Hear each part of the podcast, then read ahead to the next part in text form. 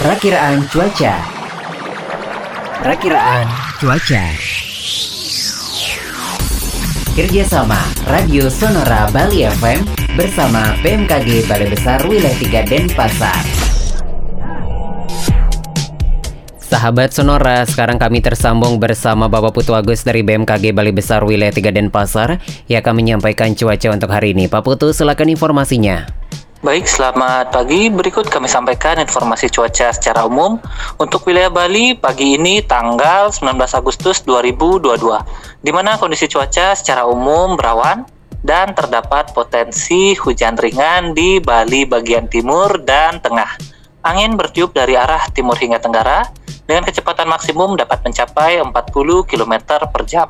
Saudara berkisar antara 22 hingga 32 derajat Celcius dengan kelembaban udara berkisar antara 60 hingga 95 persen. Sementara itu, untuk di gelombang laut di perairan utara Bali berkisar antara 0,5 hingga 2 meter dan di perairan selatan Bali berkisar antara 1 hingga 4 meter. Untuk peringatan ini perlu diwaspadai potensi peningkatan kecepatan angin serta tinggi gelombang laut yang dapat mencapai 2 meter atau lebih di Laut Bali, Selat Bali, Selat Badung, perairan selatan Bali, Selat Lombok, dan Samudra Hindia Selatan Bali. Demikian informasi cuaca yang dapat kami sampaikan. Terima kasih. Anda bisa mendengarkan berbagai informasi dalam bentuk audio via podcast Sonora Bali 98,9 FM on Spotify.